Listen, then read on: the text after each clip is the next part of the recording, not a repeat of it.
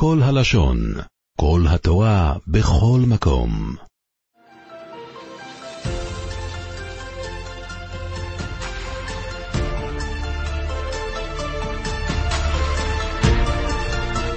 הפטרת שבת שובה, שובה ישראל, עד השם אלוקיך, כי חשלת בעווניך. בהפטרה של השבוע הזה יש מנהגים שונים. חוץ משובה ישראל, שזה כולם אומרים, יש נוהגים להוסיף בסוף, אחרי שהמפטירים משובה ישראל, שזה הפטרה מנביא הושע, שזה בה יש את הקריאה של עם ישראל לשוב בתשובה ונאריך בה בלי נדר בהמשך, בארוכה. אחר כך מוסיפים פסוקים, מי כל כמוך נושא עוון ועובר על פשע, זה פסוקים מנביא מיכה. בפסוקים האלו מרומז 13 מידות של רחמים. גם נוהגים להגיד אותם בשעת תשליך, אז נוהגים להגיד, כיוון שכתוב בסוף שם, ותשליך במצולות ים כל חטאותם. בפסוקים האלו אנחנו קוראים את החסד ואת הרחמים שהשם מקבל אותנו ב- ב- בחזרה בתשובה. יש נוהגים להוסיף עוד פסוקים מנביא יואל. והשם נתן קולו, וזה נבואה שהשם מזהיר אותם, שאם הם לא ישובו בתשובה, הוא ישלח אליהם את, ה, את חילו הגדול, זה ההרבה, הנורא שלא היה כמוהו. ו, ואז הפסוקים מדברים על העניין של חזרה בתשובה, הפסוקים מנביא יואל, שובו עדיי בכל לבבכם, ובצום בבכי ובמספד, וקראו לבבכם ועל בגדיכם. העיקר תקראו את הלב, תחזרו בתשובה, ושובו אל השם אלוקיכם, כי חנון ורחומו, ערך אפיים ורב חסד וניחם על הרעה. זה, את החלק הזה של החזרה בתשובה, זה גם, יש מנהגים לקרוא את זה, וזה הפטרה נדירה ביותר, לפי המנהגים האלו שקוראים משלושה אה, אה, ספרים. כמו שמתחילים משובה ישראל, זה נביא הושע, עוברים גם את הפסוקים של אה, מנביא יואל, שזה דיברנו, גם את הפסוקים מנביא מיכה, שזה מקל כמוך, הכל זה בספר תרי עשר, אבל כל אחד זה מנביא אחר, וככה זה הפסוקים שמדברים על התשובה. בנביא יואל יש גם את החלק השני, שאחרי שתחזרו בתשובה, אז כל הבריאה משתעבדת לעזור לעם ישראל אחרי שהם יחזרו בתשובה. ההרבה הסתלק, את הצפוני, זה הרבה הרחיק מעליכם. יש מדרשים שזה היצר הרע שצפון בליבו של אדם. וממשיכים, אל תראי אדמה, גילו יוסמכי כי הגדילה השם לעשות. מעכשיו יהיה רק שפע, ובני ציון גילו ושמחו בהשם אלוקיכם. ואכלתם אכול ושבוע, והיללתם את שם אלוקיכם. השם אלוקיכם אשר עשה עמכם להפליא ולא יבושו עמי לעולם. זה הפסוקים על המצווה לחזור בתשובה, שובה ישראל, והפסוקים איך שהשם מקבל אותנו כשאנחנו חוזרים, מיקל כמוך נושא עוון ועובר על פשע, ואת הפסוקים על העונש של מי שלא חוזר בתשובה, הרבה וכל זה, ומי שכן חוזר, איך כל הבריאה עוזרת ותעזור לנו לעתיד לבוא, שכל עם ישראל ישובו בתשובה. אנחנו נקדיש את השיעור לתחילת ההפטרה, שובה ישראל, זה נדבר בעיקר על תחילת ההפטרה, כמו שאמרנו, מנביא, הושע, זה הפסוקים לעם ישראל לחזור בתשובה. שובה ישראל עד השם אלוקיך, כי חשלת בעווניך. הגמרא במסכת יומא, דף פ"ו, לומדת מהפסוק הזה. גדולה תשובה שמגעת עד כיסא הכבוד. שנאמר שובה ישראל עד השם אלוקיך. התשובה מגיעה עד כיסא הכבוד. כלומר, אם אדם חוטא ויש עליו מקטרגים ושמלמדים עליו קטגוריה, אומרים אין לו זכות, התשובה, כשהוא חוזר בתשובה, התשובה עוקפת אותה ומגעת עד כיסא הכבוד, כתוב שהקדוש ברוך הוא חותר לו חתירה תחת כיסא הכבוד ומקבל את תשובתו, גם אם יש לו מקטרגים. אין מחסום, שתמיד התשובה מגיעה עד כיסא הכבוד והשם מקבל אותו מכל מצב, מכל אדם. בעל שיך כתוב פירוש נוסף, שזה בא לומר, גדולה תשובה שמגעת עד כיסא הכבוד, זה לומר שאדם שחטא וחטא וחטא והגיע לדיוטות התחתונות, הוא אומר לעצמו, גם אני אחזור בתשובה, בסדר, אני אהיה בן אדם בסדר, אבל אני לא אהיה כמו הצדיקים, אומר הפסוק לא. גדולה התשובה שמגעת עד כיסא הכבוד. אדם שחוזר בתשובה ועוזב את דרך החטא יכול להגיע עד כיסא הכבוד. בעלי תשובה מגיעים עד כיסא הכבוד, יכולים להגיע עד הדרגות הגבוהות ביותר. יתרה מזו, כתוב בגמרא, במקום שבעלי תשובה עומדים, אין צדיקים גמורים יכולים לעמוד.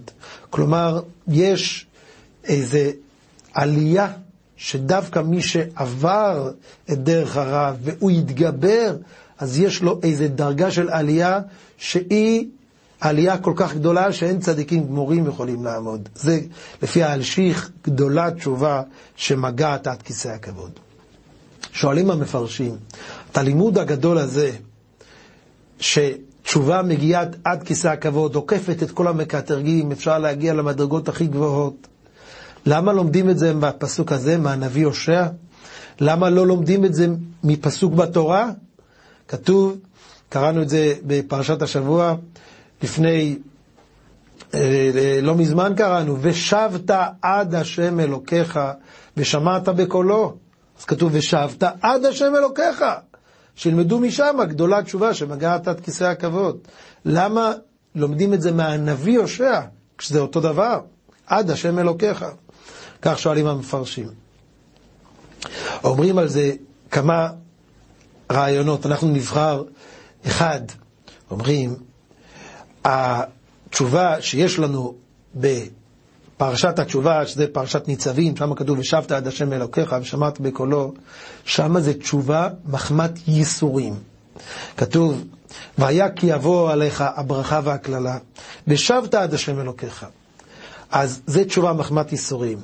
אבל בנבואה של הושע, זה תשובה שאדם בוחן את דרכו ושב מעצמו. ותשובה זו היא המעולה שבתשובות.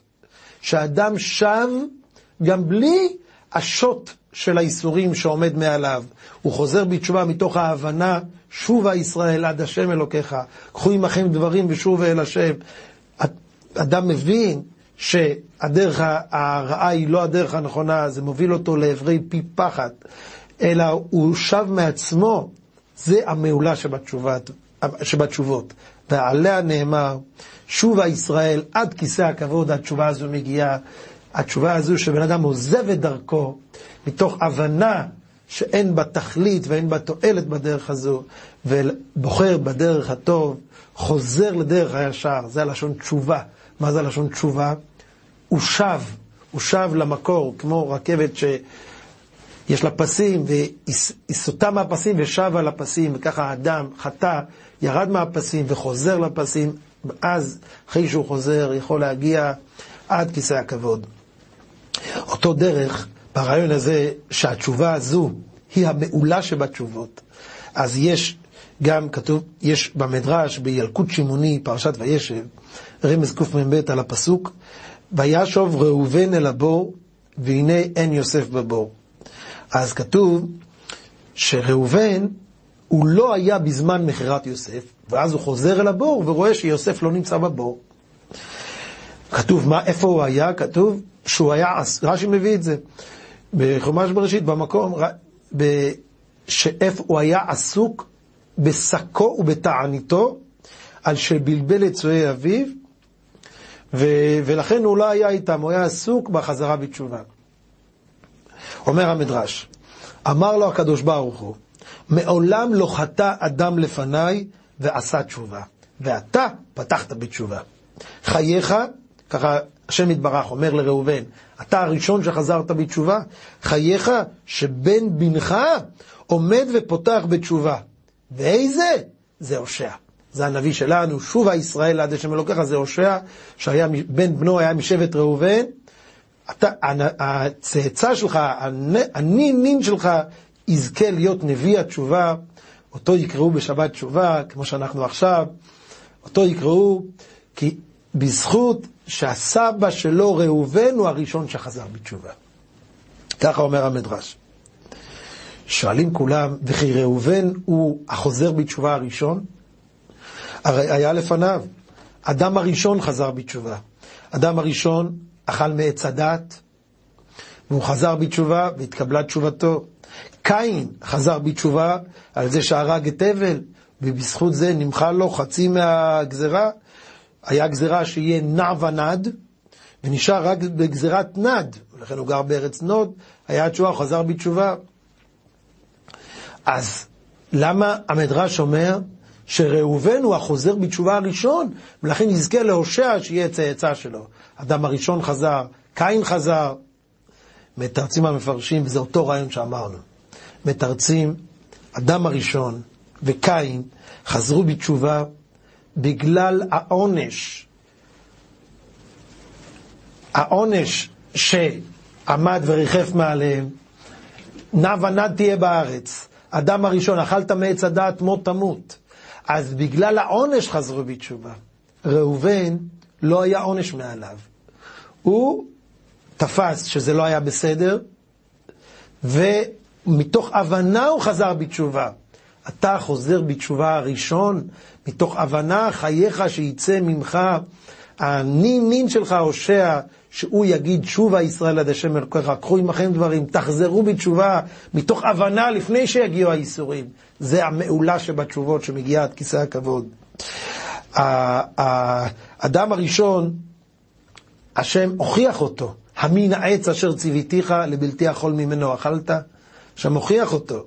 קין, השם הוכיח אותו, כל דמי אחיך צועקים אליי מן האדמה. הם שבו בתשובה אחרי שצעקו עליהם.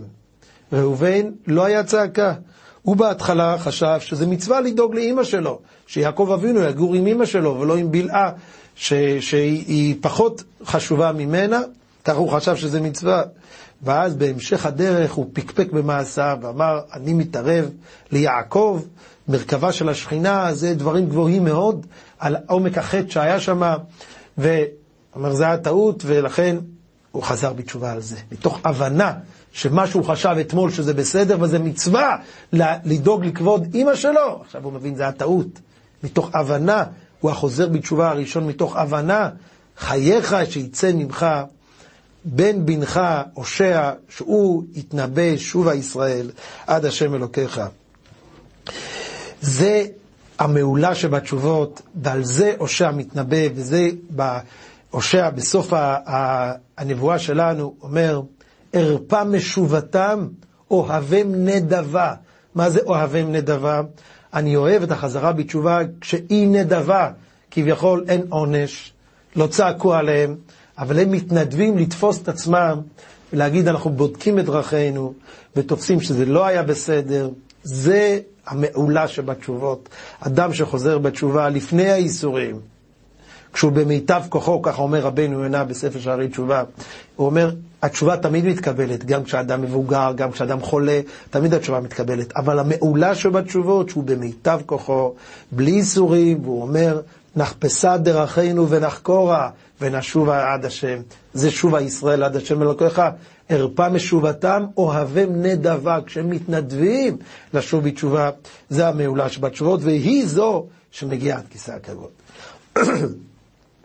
עד כאן זה רעיון אחד על העניין הזה של גדולת תשובה שמגעת עד כיסא הכבוד, כמו שהערכנו, התשובה מתוך הבנה, מתוך בדיקת המעשים, אתה בודק את עצמך ואתה רואה, בזה אני צריך לתקן, בזה אני צריך לתקן, ואתה מעצמך מתנדב לשוב בתשובה. יש פירוש מעניין נוסף על הפסוק הזה, שובה ישראל עד השם אלוקיך. ראיתי את זה בספר מעדני שמואל. הוא אומר פירוש כזה, יש סיפור שמופיע בגמרא ביומא דף פ"ו. הגמרא מספרת, היה קצב אחד, קצב, מוכר בשר, שפגע בכבודו של רב. והקצב הזה לא בא לבקש סליחה מרב על זה שהוא פגע בכבודו, כבוד התורה. עכשיו תשמעו את הצדקות הגדולה של רב. בערב יום כיפור, רב יודע שהקצב הזה עתיד להיענש, כי הוא פגע בכבוד התורה. ועבירות שבין אדם לחברו, אין יום הכיפורים מכפר עד שירצה את חברו. הלך רב בצדקותו, והלך לחנות של הקצב, כדי שהקצב יראה אותו, אז הוא ייזכר בסיפור, ואז יחזור בתשובה. הוא אומר, אולי למה הוא לא מגיע אליי, הוא מתעצל, אולי הוא שכח מזה. אני אבוא אליו, אני אמציא את עצמי אליו, כדי שהוא יבקש ממני סליחה. כזה צדקות עצומה. ואז, ככה הרב הולך. בגמרא כתוב שרב אונה היה שמע, רב אונה אומר, רב הולך להרוג את הנפש. כי רב אונה הכיר את הקצב והבין שהקצב הזה לא, כמו שנראה בהמשך מה היה, הוא כבר הבין שהולך להיות פה משהו מסוכן. וככה היה. מה היה בסוף? כתוב בגמרא, כשרב הגיע לחנות של הקצב הזה, הקצב היה עם, או היה, בהמה, או היה בהם עם הגרזן ביד, ל, ל, לנתק את ראש הבהמה עם הגרזן. כשהגביה את עיניו באמצע העבודה שלו, הוא רואה את רב. ואז הוא נזכר בסיפור. במקום לבקש סליחה, אומר לרב, אין לי איתך כלום, אין לי מה לדבר איתך. מיד הוא נענש מהשמיים. יצא עצם גדולה מהגרזן שהוא דפק אותה, יצא עצם גדולה, פגע בו, והוא מת. אומרים המפרשים. אילולי רב היה מגיע אליו, עצם זה שהוא לא פייס רב זה גם עבירה, אבל זה לא עבירה שמגיע אליה עונש מוות. זה לא עבירה. זה לא בסדר, אבל יש מעריך אף, שמעריך שבן אדם יחזור בתשובה. אבל כשרב הגיע, ואתה יכול להתפייס, ואתה לא מתפייס, אתה אומר, לא, אין לי איתך כלום, זה עונש מיוחד. אדם ש...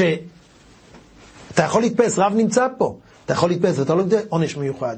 עונש מיוחד, יצא עצם הרגה אותו. אומרים על זה רעיון, שובה ישראל עד השם אלוקיך. בעשרת ימי תשובה האלה, שאנחנו נמצאים, זמני התשובה, המלך יורד אלינו, מבקש מאיתנו, נותן לנו את האפשרות לחזור בתשובה. הוא, הוא נמצא פה, ל... הוא נמצא פה,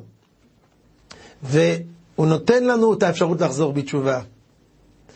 אם אנחנו לא חוזרים, חס ושלום, חס ושלום, זה חמור כמו הקצב, חס ושלום. אז העונש הרבה יותר חמור. שובה ישראל עד השם אלוקיך.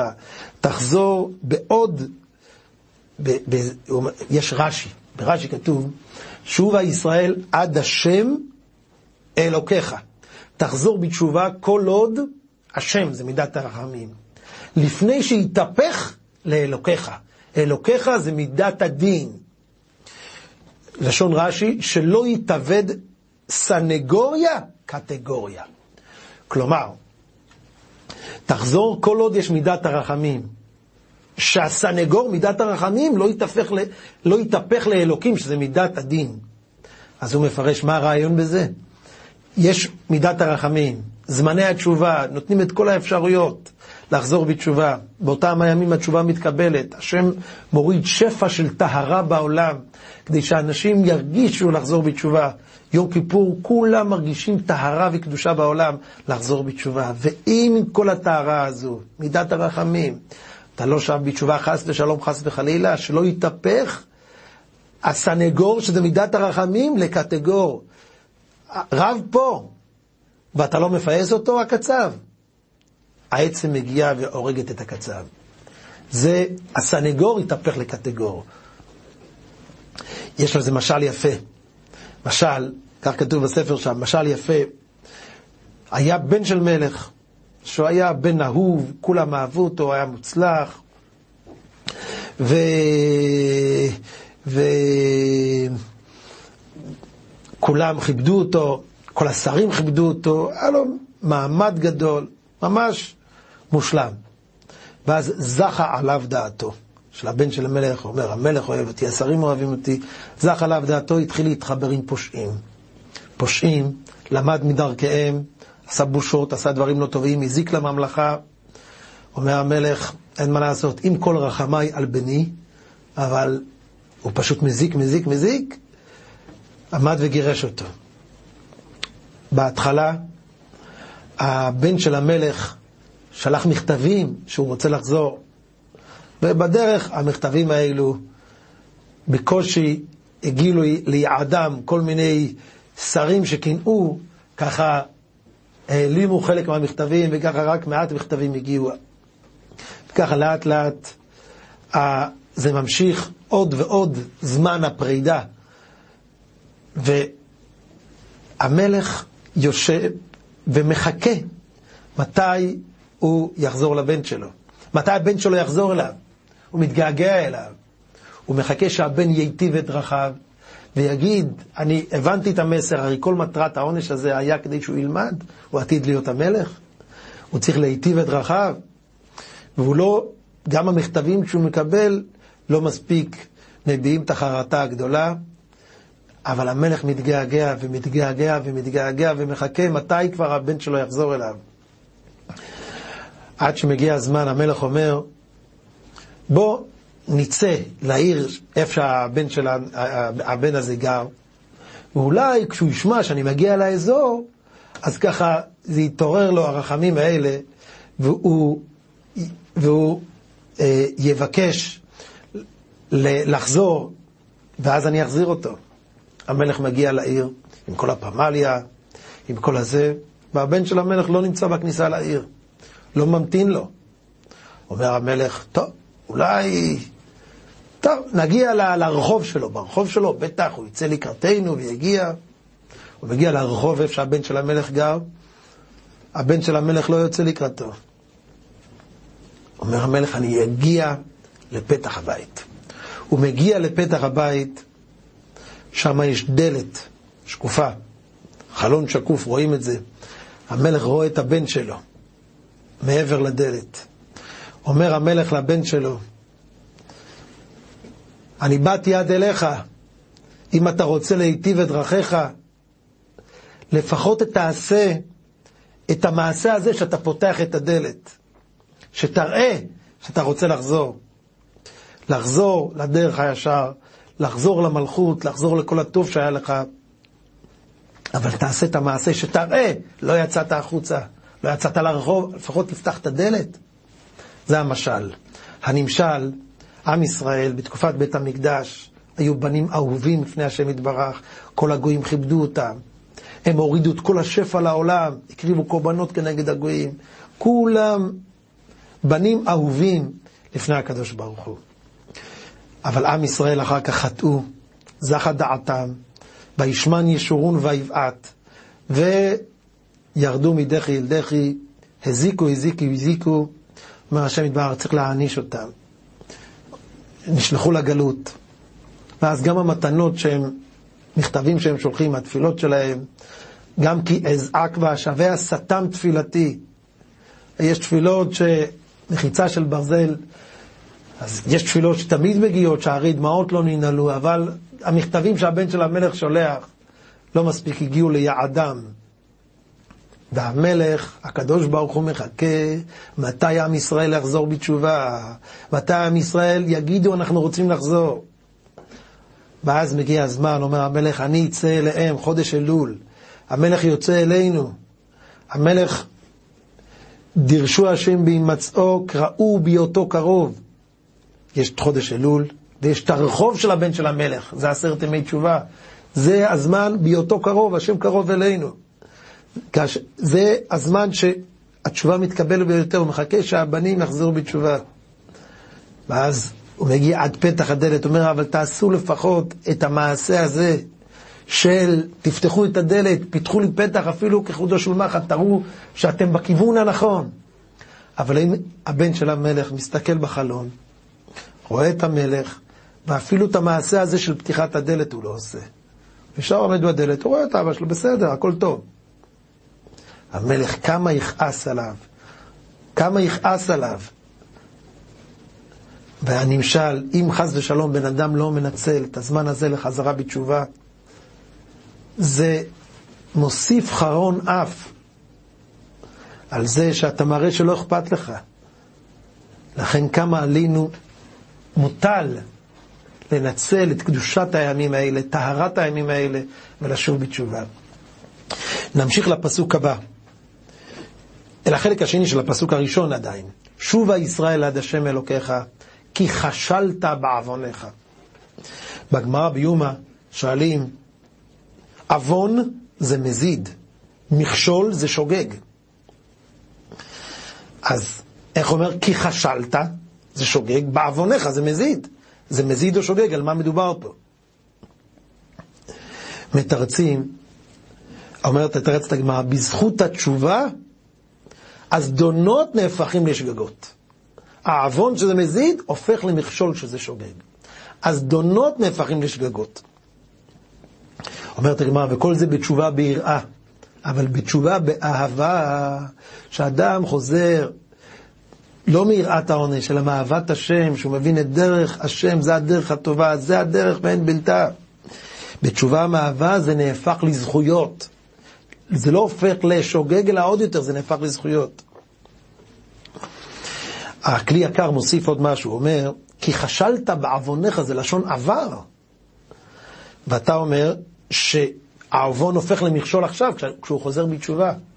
אומר הכלי יקר, הנביא אומר להם, אחרי שחזרתם מתשובה ביראה, וכבר התשובה, העבירות נהפכו לכם לשוגג, עכשיו תחזרו עוד. שוב הישראל תחזרו מעוד מדרגה, תעלו מדרגה, תחזרו לתשובה באהבה, תבינו את דרך השם, את דרך האמת, את דרך הקדושה, שהיא תביא לכם סייעתא דשמיא, ותעלו מדרגה מכי חשלת בעווניך לתשובה שלמה, לתשובה מאהבה. יש פירוש נוסף של, בספר הפריון, שהוא אומר, כי חשלת בעווניך. הוא אומר, בגלל העוונות שעשית במזיד, לכן נכשלת בשוגג. כלומר, יש תמיד שמירה של השם יתברך על האדם שלא יחטא. אבל אם הוא חוטא בשוגג, אם הוא חוטא במזיד, אז הוא גם מקבל את המכשול. אז גם, גם הוא נענש גם על שגגות. ככה יש בפסוק כתוב, למען שפות הרבה את הצמאה. אם חטאת ברבה, שזה במזיד, אז גם בצמאה, גם בשוגג, אתה תענש על זה. ככה שוגג לא נענש, אומר, אני לא התכוונתי, הייתי יודע, לא הייתי חוטא. אבל אתה, שאתה חוטא במזיד, אז גם המכשול, גם השוגג שלך אתה תענש. פסוק הבא, קחו עמכם דברים ושובו אל השם. מה זה דברים? תיקחו איתכם דברים ושובו אל השם. מה זה דברים? ארבע פירושים. פירוש אחד, מצוות וידוי.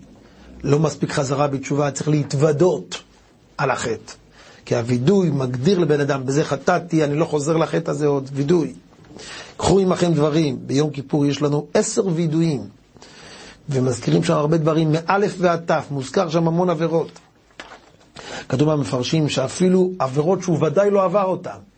יגיד את הווידוי כי אולי בגלגול הקודם הוא חטא, וגם הוא מתוודה לשון רבים. אז הוא אומר, יחד עם כל בית ישראל. זה נקרא הווידוי הכללי, שזה בכלליות עם ישראל. אבל אם הוא זוכר איזה חטא פרטי שהוא עשה, שזה לא כתוב בווידוי הגדול, שיזכיר אותו מפורש, כי זה מצוות וידוי, וידוי. הרמב"ם אומר שהטעם של מצוות וידוי, על ידי שהוא מתוודה, הוא יותר מתבייש בעבירה. הוא אומר, אני מתבייש בעבירה הזו ואני לא אחזור על זה. זה חלק מעבודת התשובה. זה פירוש אחד. קחו עמכם דברים, מצוות וידוי. פירוש שני, על התפילה. אדם צריך להתפלל, לזכות לסייעתא דשמיא, לחזור בתשובה שלמה, זה לא מובן מאליו. זה לא פשוט. בלי סייעתא דשמיא מיוחדת, אז קשה לשוב בתשובה. כמו שכתוב ברבינו יונה, בשערי תשובה, אם אין הקדוש ברוך הוא עוזרו, אין יכול לו. במדרש, שמות רבה, פרשת תצווה, כתוב כך: לכך נאמר, קחו עמכם דברים, שזה הפסוק שלנו. לפי שלא התרצה הקדוש ברוך הוא לאהרון לקבל את תשובתו, אלא על ידי התפילה, שנאמר, ובאהרון יתענף השם מאוד להשמידו, ואתפלל גם בעד אהרון בעת ההיא. נמצא, צריך להתפלל, שיתקבל התשובה, שבאמת נתפוס את עצמנו, נוכל לחזור בתשובה שלמה. זה עשרת ימי תשובה. הגמרא בבבלי, עשרת ימי תשובה נקראים עשרת ימי צעקה. בירושלמי כתוב עשרת ימי תשובה, וככה כל הראשונים מסבירים שזה ביחד. התשובה והצעקה, אנחנו מתפללים לשוב בתשובה שלמה. השיבנו השם אליך, תחת התפילה. שתתקבל תשובתנו ושנדע לחזור בתשובה. לדעת מה הדרך, כי לפעמים בן אדם מקבל על עצמו דברים שהוא לא מסוגל לעמוד בהם, והתשובה הזאת היא, היא, היא לא ברת מעמד. התפילה שאנחנו באמת נתפוס את עצמנו ונקבל דברים נכונים, שיעמדו, מה שנקרא, דברים ברי קיימא, שזה התשובה שתחזיק מעמד, שחס ושלום לא ניפול עוד לחטא, חס ושלום. תפילה, קחו עמכם דברים, תתפללו, ואז תזכו ושוב אל השם, פירוש שני. פירוש שלישי, זה הולך על לימוד תורה. עם הזכות של לימוד תורה, תגיעו לתשובה. ב... כמו שכתוב בהמשך ההפטרה, ונשלמה פרים שפתנו. כתוב במדרש, בזמן שבית המקדש היה קיים, היו מביאים קורבנות, ובזה היה מתכפר. קורבן חטאת על השגגות, יש קורבנות עולה על הרהורי עבירה, יש קורבנות שמכפרים. אבל היום שאין לנו קורבנות, מה יעשה אדם ויתכפר? ילמד. ונשלמה פרים שפתנו, השפתיים, הלימוד תורה שאנחנו לומדים בשפתיים, נחשב כאילו יקרה בקורבנות. זה לשון המדרש, תנחו מהפרשת החימות. התעסקו בדברי תורה שאין משולים בקורבנות ואין מכפרים עליכם. אז הוא מביא שכל הקורבנות נמשלו דברי תורה. מקריבים יין על גבי המזבח, התורה נמשלה ליין, שנאמר, ושתו ביין מסכתי. מקריבים לחם, שנאמר, ונתת לשולחן לחם פנים, התורה נמשלה בלחם, שנאמר, הלכו לחמו בלחמי. מקריבים שמן על גבי המזבח, שנאמר, סולת בלולה בשמן, ונמשלה תורה בשמן, שנאמר, בכל עת יהיו בגדיך לבנים ושמן על ראשך לחסר. זה הפירוש הזה. קחו עמכם דברים, תלמדו את התורה, והלימוד התורה ייחשב לכם כאילו הקרבתם קורבנות והתפייסתם לפני השם יתברך. זכות התורה, זכות עצומה, זכות התורה שת, שתתקבל תשובתנו, ואי הזכות ש, שנשוב בתשובה. פירוש רביעי, עבירות של בן אדם לחברו, אין יום הכיפורים מכפר עד שיחצה את חברו. לכן, לפני שמגיע יום כיפור, צריך לפייס כל אחד ש, שנפגע. קחו עמכם דברים, תלכו תפייסו. ואז תגיעו ליום הכיפורים ושובו אל השם, והשם מקבל את תפילתכם. גם בין אדם למקום, גם בין אדם לחברו, בזכות שתפייסו. פסוק הבא, אמרו אליו, כל תישא עוון וכך טוב, ונשלמה פרים שפתנו. אומר רש"י, כל תישא עוון, תישא את העוון, תמחל לנו על העוונות, ותסלח לנו על עוונותינו, וכך טוב, קח מאיתנו את הדברים הטובים. גם דוד המלך אומר, מלפתיך, מלפניך משפטי יצא, עיניך תחזינה מישרים. תראה את הדברים הטובים שלי, כי העבירות זה לא האמת הפנימית שלנו, זה רק חטאנו, יצאנו מהפסים, אבל האמת הפנימית שלנו, כך טוב, תראה את הנקודה הפנימית שלנו, כך כתוב בפסוק, לא ראה אבן ביעקב, לא ראה עמל בישראל. השם קו עמו, השם רואה, גם כשהם חוטאים, הוא רואה את הנקודה הפנימית. וכך טוב ונשלמה פרין שפתנו. יש פירוש נוסף על הפסוק הזה שמדבר על תשובה באהבה. תשובה באהבה, אז כתוב העבירה עצמה נהפכת לזכות, כי בזכות העבירה עצמה, כשהוא חוזר בה בדרגות גבוהות של תשובה באהבה, זה עצמו נהפך לזכות, וזה תישא עוון וכך טוב. העוון עצמו, כשחזרנו ממנו בדרגה גבוהה, הוא הופך לכך טוב. פסוק הבא, ערפה משובתם, אוהבים נדבה כי שב אפי ממנו. שואלת הגמרא ביומא דף פ"ו, בהתחלה לשון רבים, ערפה משובתם, אוהבם נדבה, לשון רבים, הסוף, כי שב אפי ממנו, לשון יחיד, פתח ברבים, סיים ביחיד, אומרת הגמרא, בשביל יחיד ששב בתשובה שלמה, השם יתברך מוחה לכל העולם כולו.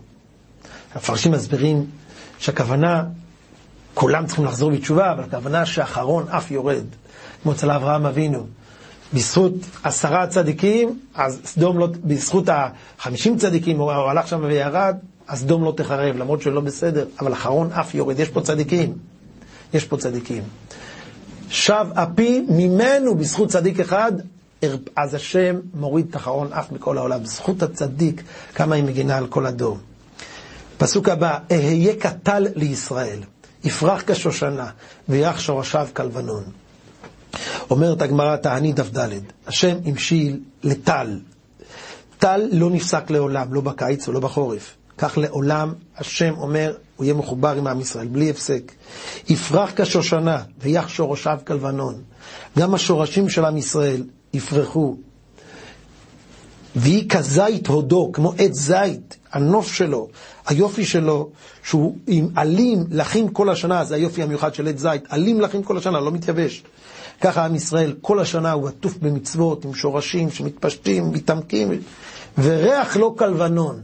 יש לעם ישראל ריח רוחני, כמו בלבנון, כמו בית המקדש, היה ריח של הבשמים, שריח המצוות, יש סיפור שכתוב במדרש, היה שתי תנאים שהלכו למקום מסוים, היה שם אימא אחת שהיה לה בן צדיק, קראו לה ינוקה, הוא היה ילד אבל הוא היה צדיק, קראו לו ינוקה, היא שלחה, הוא היה קדוש מאוד הינוקה הזה, היא אמרה, לך לתנאים האלו שיברכו אותך. הוא הלך אליהם, הוא חזר, הוא אמר, הם מריחים נורא. הם לא קראו קריאת שמע, הם מריחים נורא. כזה קדוש היה הצדיק הזה, הילד הזה. אמרה, לא יכול להיות, הם תנאים. ואז הם ביררו, התברר שבאמת באותו יום לא קראו קריאת שמע, כי הם היו עסוקים במצווה חשובה, עוסק במצווה, פטור מן המצווה. והוא הריח את זה, הריח את זה, כזה קדוש הוא היה. אז אם הם היו עסוקים בפדיון שבויים, היה מותר להם לא לקרוא, אבל הוא הריח את זה שהיום אין להם את הריח של קריאת שמע. אז רואים, מי שהיה מותר לו, הקדוש הזה מריח את זה. מי שעושה עבירות, קל וחומר שמריחים נורא מאוד. ריח נורא של, של, של ריח לא טוב מכוח כל העבירות. ואנחנו זוכרים ביום כיפור שהשם מנקה אותנו מכל הריח הרע, שנאמר, כמו שכתוב, כי רחץ השם צואת בת ציון, כמו שיש תינוק שלכלך. כולם נגאלים מהריח. מי מגיע אליו? אימא שלו מנקה אותו באהבה, הופכת אותו לחדש. ככה השם יתברך רוחץ אותנו ביום כיפור מכל עוונותינו, כמו שכתוב, אמר רבי עקיבא, אשריכם ישראל, מי מטהר אתכם, אביכם שבשמיים? ככתוב, מקווה ישראל השם, הוא המקווה שלנו, הוא מנקה אותנו מהעבירות כשאנחנו חוזרים בתשובה. זה הפסוק, וריח לא כלבנון. חוזרים בתשובה, הריח הרע חולף, ויש ריח טוב, ריח של מצוות, של מעשים טובים. כמו עצי הלבנון, שהיה להם ריח טוב, או כמו בית המקדש שנקרא לבנון, יש בזה כמה פירושים. כתוב בית המקדש, שהיה ריח טוב מהקטורת, כל ירושלים הריחו את זה. כתוב אישה, בגמרא כתוב אישה לא הייתה צריכה להתבשם, לא הייתה צריכה בושם, מחמת הריח הטוב שהיה בלבנון מבית המקדש, מהקטורת. כל פנים, כשחוזרים מתשובה וריח לא כלבנון, הריח הרע חולף, רחץ השם צועד בציון, יש ריח טוב.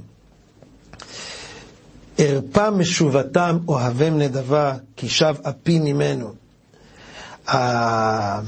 וכבר אמרנו את זה קודם, תשובה מאהבה שהיא בנדבה, היא המעולה שבתשובות. אוהבם נדבה, כי שב אפי ממנו.